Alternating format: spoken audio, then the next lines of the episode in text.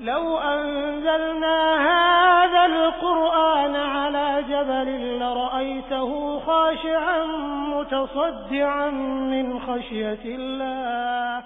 لأن لله قلبه فألان الله الصخر تحت قدميه أن يكون للقرآن أثر في قلبه. أي دون النبيين وفوق غيرها من مع القرآن نحيا في سلام فخير الوقت في خير الكلام.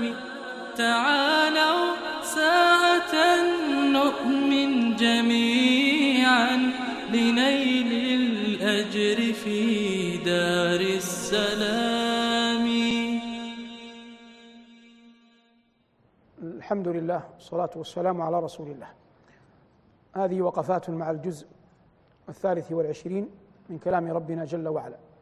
وهذه الوقفة الأولى. وهي عند قول الله جل وعلا من سورة ياسين أولم يرى الإنسان أنا خلقناه من نطفة فإذا هو خصيم مبين وضرب لنا مثلا ونسي خلقه قال من يحيي العظام وهي رميم قال أهل العلم رحمه الله رحمهم الله من قبلنا إن سبب نزول هذه الآية أن العاص بن وائل السهمي جاء للنبي صلى الله عليه وسلم في أول أيام البعثة. والبعثة كانت قائمة على أصول ثلاث التوحيد والنبوات والمعاد. وكانت قريش وكفارها ومن حولهم يزعمون أنه لا بعث ولا نشور. قال ربنا زعم الذين كفروا أن لن يبعثوا. قل بلى وربي لتبعثون. فجاء هذا الرجل بعظام قد أرمت لموتى قد مضوا. ووضعها ممزوجة بتراب في يده. ثم قدم على النبي صلى الله عليه وسلم فقال يا محمد أتزعم أن ربك يحيي هذه بعد موتها؟ ثم نفخها. فقال النبي صلى الله عليه وسلم نعم ويدخلك النار. ولهذا مات هذا الرجل على كفره. فلما قالها أنزل الله جل وعلا قوله أولم يرى الإنسان أن خلقناه فهي من حيث السبب المقصود بها العاص ومن حيث العموم كل إنسان كافر وكل من هو أهل للخطاب القرآني ممن يتبجح بمثل هذا. أولم يرى الإنسان أنا خلقناه من نطفة هي مني الرجل. فإذا هو بعد أطوار دلت عليها صور أخرى فإذا هو خصيم مبين خصيم مبين خصيم صيغة مبالغة من خصم فإذا به يحاج عن نفسه ويدافع بل الكافر عياذا بالله يخاصم ويجادل ربه. فإذا هو خصيم مبين وضرب لنا مثلا بأنه حمل تلك العظام التي أرمت وأخبر أن الله عاجز عن إحيائه. وضرب لنا مثلا قال ربنا ونسي خلقه. لو تذكر النشأة الأولى وأنه لم يكن شيئا مذكورا لما جروا على مثل هذا القول لكنه نسي خلقه الأول فدفعه هذا إلى ما قال وضرب لنا مثلا ونسي خلقه قال من يحيي العظام وهي رميم؟ هو قالها استكبارا قال أصدق القائلين قل يحييها الذي أنشأها أول مرة. من الذي أنشأها أول مرة؟ الله. والجنين في بطن أمه. نطفة ثم علقة ثم مضغة ثم يتكون عظما ثم يكسل هذا العظم لحما قال الله فكسونا العظام لحما ثم أنشأناه خلقا آخر. ولما علم جل وعلا أن لا أحد له قدرة على هذا قال فتبارك الله أحسن الخالقين هنا قال جل وعلا قل يحييها الذي أنشأها أول مرة وهو أي جل ذكره بكل خلق عليم. ليس خلقه لبني آدم فقط بل كل خلق. الله خالقه وهو جل وعلا عليم بذلك الخلق وهو بكل خلق عليم. فلما أقام الحجة على هذا ضرب له مثلا ممن هو مشاهد عيانا. قال جل وعلا وهو بكل خلق عليم الذي جعل لكم من الشجر الأخضر نارا. العرب كانت تأتي لنوعين من النبات المرخ والعفار. وهذه تدب فيها النار سريعا فتوقد منها. فالله يخاطبهم بما شاع في بيئتهم. في كل شجر النار واستمجد المرخ والعفار. يعني بلغت الذروة والمجد. في كل شجر النار واستمجد المرخ والعفار. فالله يقول الذي جعل لكم من الشجر الأخضر نارا. فالشجر الأخضر الأصل أنه ممزوج ماء ولا سبيل إلى النار مع الماء. لكن الله بقدرته جعله حطبا. الذي جعل لكم من الشجر الأخضر نارا. والمعنى جمع الله بين الضدين والنقيضين والجمع بين الضدين والنقيض بين النقيضين دلالة على القدرة. قال الله في النور ألم تر أن الله يزجي سحابا ثم يؤلف بينه؟ أخبر بعد ذلك أن هذا السحاب كما ترى يقع منه أربعة لا تجتمع فمن برقه يكون النور ومن تراكمه يحجب الشمس والقمر فتكون الظلمة فاجتمع النور والظلمة بسبب السحاب ومن جريانه يكون الماء. ومن صواعقه يكون النار والنار والماء لا يجتمعان. فجمع الله في مخلوق واحد نورا وظلمة وماء ونارا ولا يقدر على هذا إلا الله. وما قاله الله في النور قال بعضه هنا في ياسين قال جل ذكره الذي خلق الذي جعل لكم من الشجر الأخضر نار الذي الذي جعل لكم من الشجر الأخضر نارا فإذا أنتم منه توقدون ثم قام الحجة. أوليس الذي خلق السماوات والأرض بقادر على أن يخلق مثلهم؟ اذلالا لهم لم يجعلهم يجيبوا قال بلى وهو الخلاق العليم. لأن خلق السماوات والأرض أكبر من أكبر من خلق الناس. أوليس الذي خلق السماوات والأرض بقادر على أن يخلق مثلهم؟ فأجاب نفسه بنفسه وقال بلى وهو الخلاق العليم. ثم بين كمال قدرته وجليل عظمته فقال جل ذكره إنما أمره إذا أراد شيئا أن يقول له كن والوقوف هنا جميل. إنما أمره إذا أراد شيئا أن يقول له كن فيكون. ولم يقل جل وعلا في حق عيسى فكان لأنه انتهى. وإنما جاء بصيغة الفعل المضارع لأن الله عندما يقول فيكون كأن المتلقي يتخيل أن الشيء يقع أمامه يتصور وقوعه أمامه. إنما أمرنا لشيء إذا أردناه أن نقول له كن فيكون. من كان صادق الظن بربه يعلم عظمة ربه جل وعلا وأن الرب تبارك وتعالى إذا أراد شيئا أن يقول له كن فيكون عظم يقينه بخالقه تبارك وتعالى. وأصبح وهو يرفع يديه في الدعاء على يقين بأن الله يجيب من دعاه. ولا ينبغي لمؤمن أكرمه الله بأن آتاه في قلبه ما يعينه على أن يدعو ربه أن يسيء الظن بخالقه. وأخص بالذكر من من الله عليه بالوقوف في عرفة. فإن الوقوف في عرفة شرف وأي شرف. فلا ينبغي لمؤمن من الله عليه بالوقوف في ذلك المقام وهو يرفع يديه أن يسيء الظن بربه في ذلك الموقف. كما الدعاء في ثلثي الليل الآخر كما الدعاء في السجود كما الدعاء في عند نزول القطر. بل الدعاء في كل آن في كل آن وحين لا بد أن يستصحب المرء مثل هذه الآيات.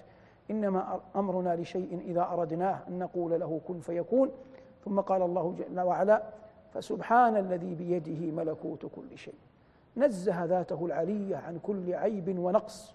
فسبحان الذي بيده ملكوت كل شيء. ملكوت زيادة أتى هنا على ملك وهي زيادة يراد بها المبالغة.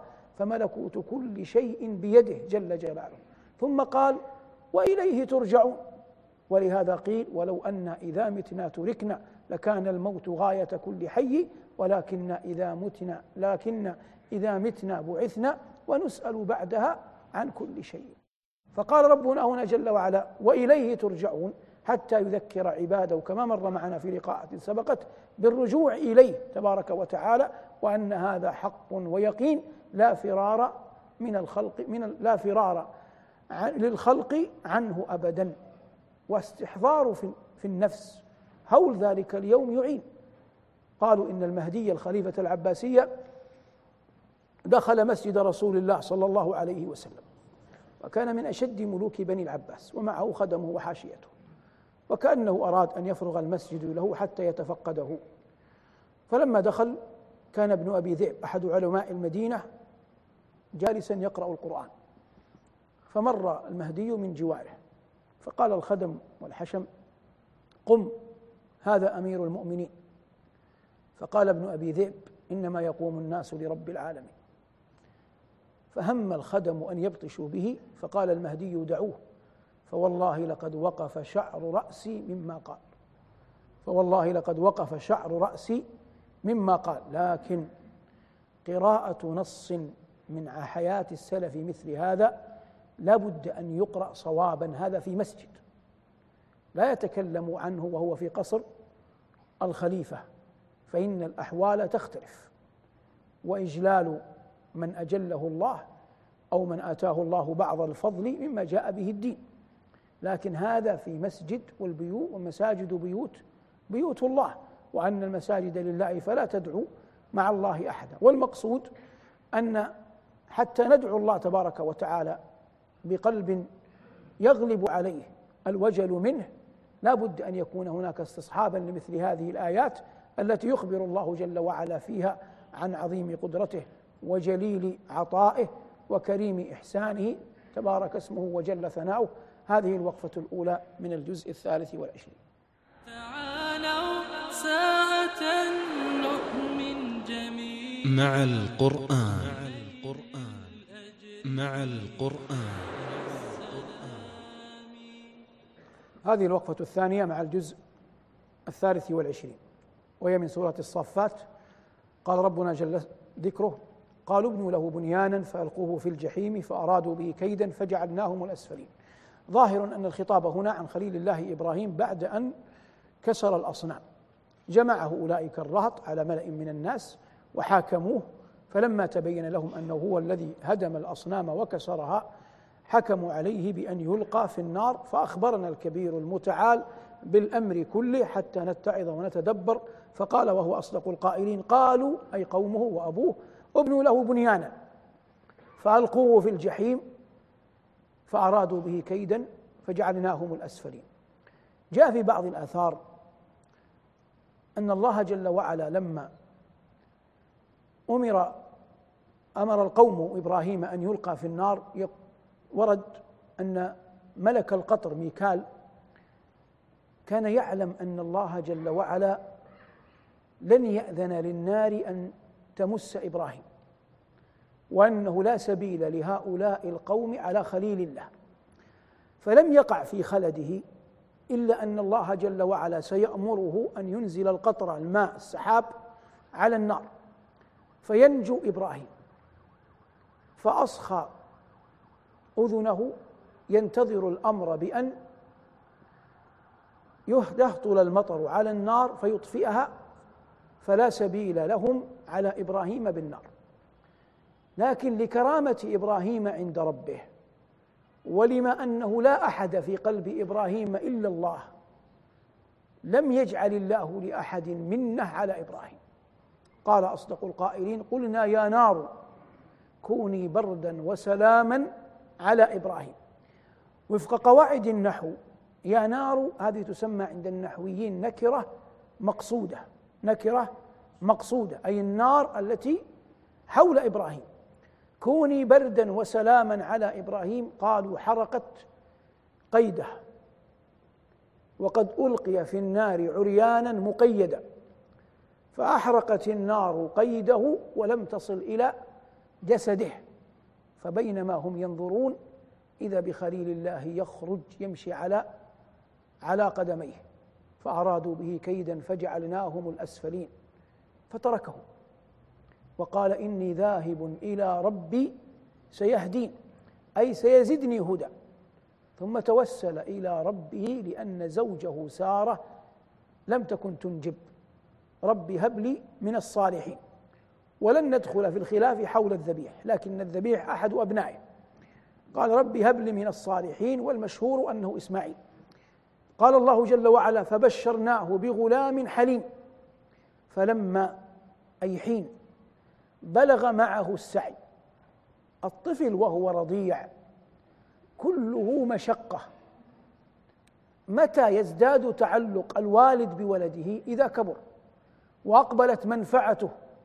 وأصبح الأب يعتمد عليه ويرجوه ويؤمل فيه فيما يدخل فيه الأمل والرجاء. قال ربنا فلما بلغ معه السعي إذا بإبراهيم يرى رؤيا أنه يؤمر بذبح ولده. الوحي مراتب. أعظمها أن يكلم الله العبد. وثانيها أن يأتي الملك إلى النبي إلى العبد. والثالثة أن ينفث في روعه وأقلها قدرا وإن كانت وحيا هو مقام الرؤيا. فجاء التكليف بأضعف مقامات الوحي. جاء التكليف بأعظم بأضعف مقامات الوحي.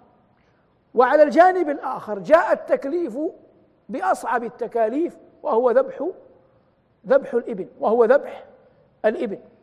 فنوح عليه السلام فقد ابنه لكن الابن أصر لا باختيار إبراهيم لا باختيار نوح. وإبراهيم كفر أبوه لكن باختيار الأب باختيار آزر لا باختيار إبراهيم. وهذا النبي يؤمر بذبح ابنه. قال يا بني إني أرى في المنام أني أذبحك فانظر ماذا ترى. ولم يشاور إبراهيم ابنه إسماعيل إلا كرامة له لا على أنه لو اعترض إسماعيل سيعترض إبراهيم. هذا الابن الصالح ربي في حجور الصالحين. قال يا أبت افعل ما تؤمر. وقد قلنا مرارا شتان بين قوله افعل ما تريد وافعل ما تؤمر. يوجد إلى اليوم أبناء لو أن آباءهم طالبوهم بأن يذبحوا أنفسهم قبلوا انتصارا لأبيهم بل يوجد من الجنود من يصنعها من أجل قائده. لكن هذا ليس عبادة ليس تعبدا ليس لله فيها شيء. فلهذا قال إسماعيل يا أبت افعل ما تؤمر أي ما أمرك الله به حتى يدخل هو في الأجر ويصبح الأمر منه ومن أبيه تعبدا إلى الله. يا أبت افعل ما تؤمر ستجدني وعلق الأمر بالمشيئة تبركا واستعانة. ستجدني إن شاء الله من الصابرين. قال أصدق القائلين فلما أسلم أسلم بألف التثنية. أسلم إبراهيم نفسه لله بأن قبل أن يذبح ولده. وأسلم إسماعيل نفسه لله بأن قبل أن يذبحه والده. فلما أسلم وتله للجبين. وفي هذا فيما قالوا حتى لا تقع العينان بعضهما على بعض. فلما أسلم وتله للجبين وأراد أن يمر المدية أي السكين عليه وقد أخرج إبراهيم من قلبه حب ابنه امتثالا لأمر الله. فلما أخرج من قلبه حب ابنه امتثالا لأمر الله لم يكن لله حاجة أن يهرق دم إسماعيل. فلم تمضي إلى الله وهو شيخ قد شارف المئة واحدودب ظهره والمدية في يده وابنه مضطجع على الأرض يريد أن يكتب الفراق بينهما بيديه. ثم أي فرحة هذه؟ وهو يسمع نداء رب رب العالمين جل جلاله. وناديناه أن يا إبراهيم قد صدقت الرؤيا. إنا كذلك نجزي المحسنين. وسمى الله. ولا أحد أعظم من الله هذا البلاء بأنه بلاء مبين. قال الله وناديناه أن يا إبراهيم قد صدقت الرؤيا. إنا كذلك نجزي المحسنين إن هذا لهو البلاء المبين. وهذا من أعظم البلاء نسأل الله لنا ولكم العافية. لكن رفيع المقامات وجليل الدرجات وقول الله إن إبراهيم كان أمة إني جاعلك للناس إماما ثم أوحينا إليك أن اتبع ملة إبراهيم لا يمكن أن يقع إلا بهذا. الجنة والقرب من الله درجة عالية لا ينال إلا بالصعود. وناديناه أن يا إبراهيم قد صدقت الرؤيا إنا كذلك نجزي المحسنين إن هذا لهو البلاء المبين. وفديناه بذبح عظيم. فدينا من؟ فدينا إسماعيل. وفديناه بذبح عظيم وتركنا عليه في الآخرين. فجعل الله جل وعلا النحر سنة ماضية في الأمم بعده. قال الله تبارك وتعالى وفديناه بذبح عظيم وتركنا عليه في الآخرين سلام من من؟ من الله. سلام على إبراهيم. كذلك نجزي المحسنين. إنه من عبادنا المؤمنين. فمن يريد أن يدعو الله يدعو كما دعا سليمان. وأدخلني برحمتك في عبادك الصالحين. من الشرف الذي أتبوأه وتتبوأه أن الله سمانا مؤمنين. وسمى إبراهيم من المؤمنين. فنحن وإبراهيم تحت تسمية واحدة وإن شط الأمر بين درجتنا ودرجته. لكن كما قيل ومما زادني شرفا وتيها وكدت بأخمصي أطأ الثريا دخولي تحت قولك يا عبادي؟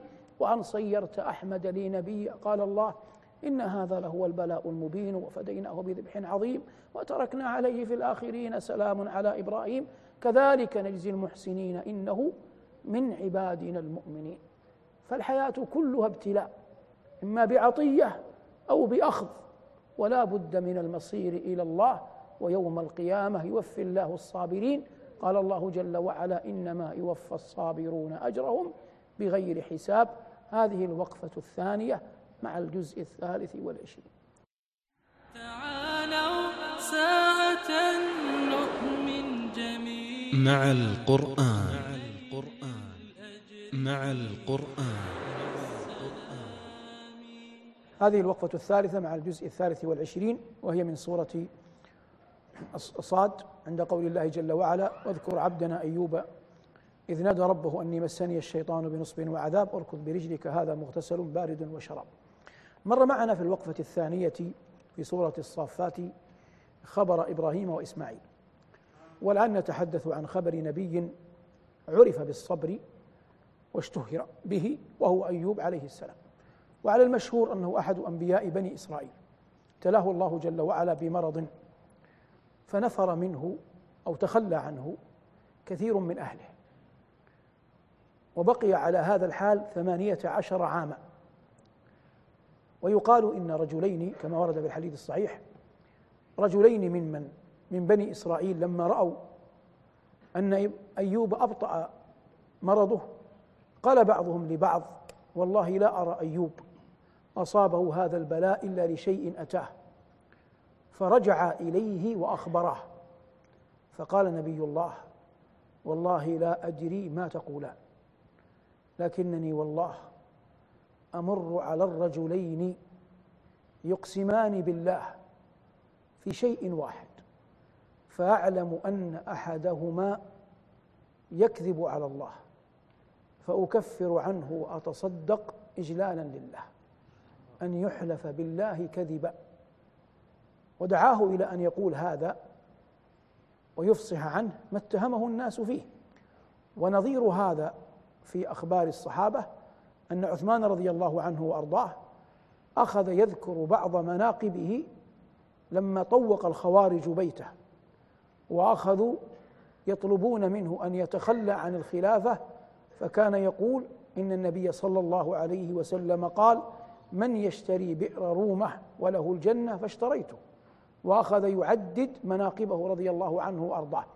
فصنيع عثمان من قبل صنيع أيوب. قال الله جل وعلا واذكر عبدنا أيوب إذ نادى ربه أني مسني الشيطان بنصب وعذاب في قوله أني مسني الشيطان تأدبا مع من؟ تأدبا مع الله. وإلا الذي يصيب بالمرض ويشفي هو الله. إني مسني الشيطان بنصب وعذاب. فخرج ذات يوم لبعض حاجته ومعه زوجته. وكانت قد أغضبته يوما فحلف أن يجلدها أو يضربها مئة جلدة. فخرجت به ذات يوم ليقضي بعض شأنه. وهي تقوده. فلما أراد أن يذهب يبعد عنها لبعض حاجته تركها وذهب. وهو في الطريق ما زال يتوسل إلى ربه. فقبل أن يصل إلى المكان الذي يريده قال له رب أركض برجلك. فركض. فنبع ماء من تحت قدميه. فقال له رب هذا مغتسل بارد وشراب. فاغتسل فبرئ ظاهره. وشرب فبرئ باطنه. وعوفي فقام كأحسن خلق الله خلقه. وقضى حاجته وعاد. فلما عاد رأته زوجته. وقد أبطى عليها فلم تعرفه فقالت يا عبد الله أما رأيت نبي الله ذاك المبتلى فإنك من أشد الناس شبها به إذ كان صحيحا. قال أنا أيوب. قال الله جل وعلا أركض برجلك هذا مغتسل بارد وشراب ووهبنا له أهله. ومثلهم معهم ظاهر القرآن والعلم عند الله أن الله رد له من مات من أهله. رحمة منا هذه لأيوب وذكرى لأولي الألباب أي لمن لجأ إلينا كما لجأ أيوب وذكرى لأولي الألباب. وخذ بيدك ضغثا ما الضغث؟ الشيء المجموع المختلط. الضغث الشيء المجموع المختلط. لما كان قد أقسم أن يجلدها أوجد الله جل وعلا له عذرا. فأخذ مئة مئة من جريد النخل مجتمعة مع بعضها البعض صغارا وكبارا غلاظا وخفافا حتى تصبح ضغثا حتى عدها مئة فضربها على ظهرها ضربة واحدة. وخذ بيدك ضغثا فاضرب به ولا تحنث. ثم ذكر الله سبيل إكرامه لهذا العبد الصالح. قال إنا وجدناه صابرا. نعم العبد إنه أواب. سنقف ثلاث وقفات. إنا وجدناه صابرا. ذكر الله الصبر في كتابه في أكثر من تسعين موضع. ومدح به أولياءه الخلص. وقد قال عمر رضي الله تعالى عنه وأرضاه وما أعطي ابن آدم شيئا أوسع من الصبر.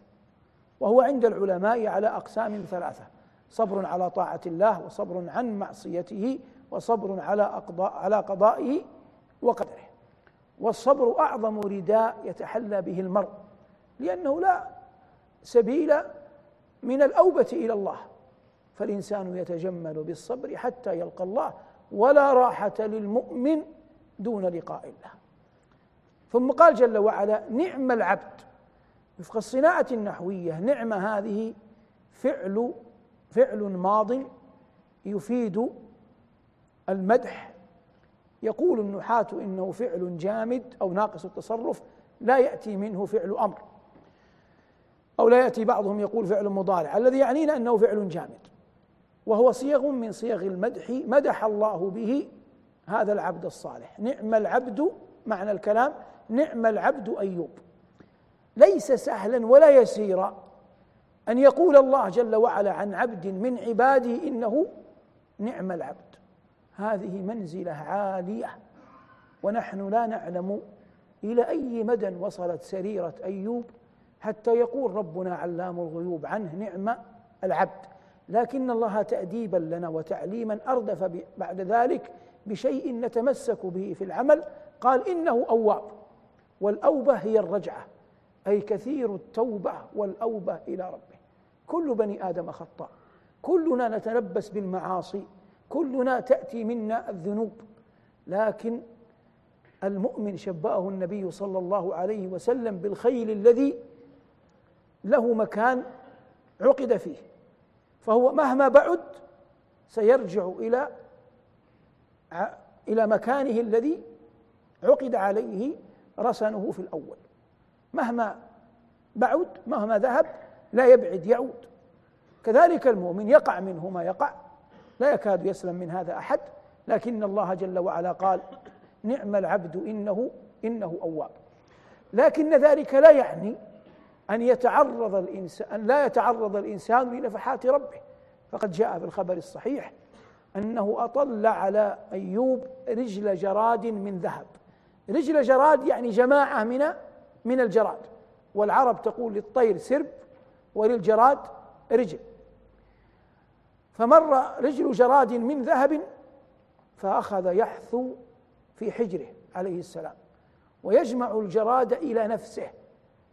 فقال له ربه أي أيوب ألم أكن قد أغنيتك عما ترى؟ قال بلى يا رب ولكن لا غنى لي عن رحمتك. لا أحد يستكبر عن رحمة الله ولا أحد يستغني عن فضل الله. فنحن جياع إلا أن يطعمنا يطعمنا ربنا ونحن عطشى إلا أن يسقينا ربنا. ونحن أهل ضلالة إلا أن يهدينا ربنا ونحن عراه إلا أن يكسونا ربنا. وفي الحديث القدسي يا عبادي كلكم جائع إلا من أطعمته وكلكم عار إلا من كسوته وكلكم ضال إلا من هديته. يا عبادي إنكم تخطئون بالليل والنهار وأنا أغفر الذنوب جميعا فاستغفروني أغفر لكم. يا عبادي لو أن أولكم وآخركم وإنسكم وجنكم كانوا على أتقى قلب رجل واحد منكم ما زال ذلك في ملكي شيئا. يا عبادي لو أن أولكم وآخركم وإنسكم وجنكم كانوا على أفجر رجل قلب على أفجر قلب رجل واحد منكم ما نقص ذلك من ملكي شيئا. يا عبادي لو أن أولكم وآخركم وإنسكم وجنكم قاموا في صعيد واحد فسألوني فأعطيت كل ذي سؤل مسألته ما نقص ذلك من ملكي شيئا إلا كما ينقص المخيط إذا أدخل البحر. فرب هذه سعة فضله ورحمته حقيق بالعبد أن يلجأ إليه كما لجأ إليه أيوب. والحمد لله رب العالمين. مع القرآن نحيا في سلام. فخير الوقت في خير الكلام. بتفسير وأخبار حسان عن المختار نبراس الظلام. مع القرآن إحساس تسامت به